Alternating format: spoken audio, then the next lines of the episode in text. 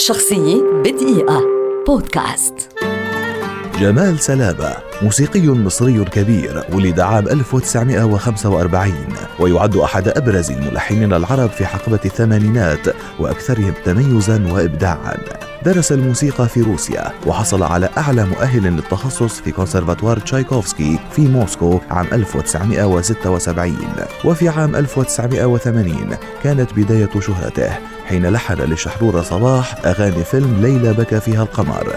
وكان من بينها أغنية ساعات ساعات الخالدة حتى اليوم. كما لحن لسميرة سعيد عام 1981 أغنية احكي يا شهرزاد إضافة إلى مجموعة من الأغنيات الرائعة مثل مش هتنازل عنك أبدا عام 1986 والجاني بعد يومين عام 1983 ومع السيدة ماجدة الرومي. كان لقاء جمال سلامة أسطوريا إذ لحن لها رائعتي بيروت ست الدنيا ومع جريدة للشاعر الكبير نزار قباني كما عمل على موسيقى الكثير من الأفلام والمسلسلات المصرية في حقبة الثمانينات التي لا زالت في ذاكرة الناس مثل مسلسل الحب وأشياء أخرى وفيلم حبيبي دائما. كان لسلامة أيضا تجربة ملفتة مع تلحين مجموعة من الأغاني الدينية التي غنتها ياسمين الخيام في مقدمتي مسلسلي محمد رسول الله وساعة ولد الهدى ونهايتيهما وهي تحمل قدرا كبيرا من التعبير يختلف عن الغناء الديني التقليدي الذي يستعمل الضفوف بشكل أساسي. صحيح أن جمال سلامة توقف عن الإنتاج منذ فترة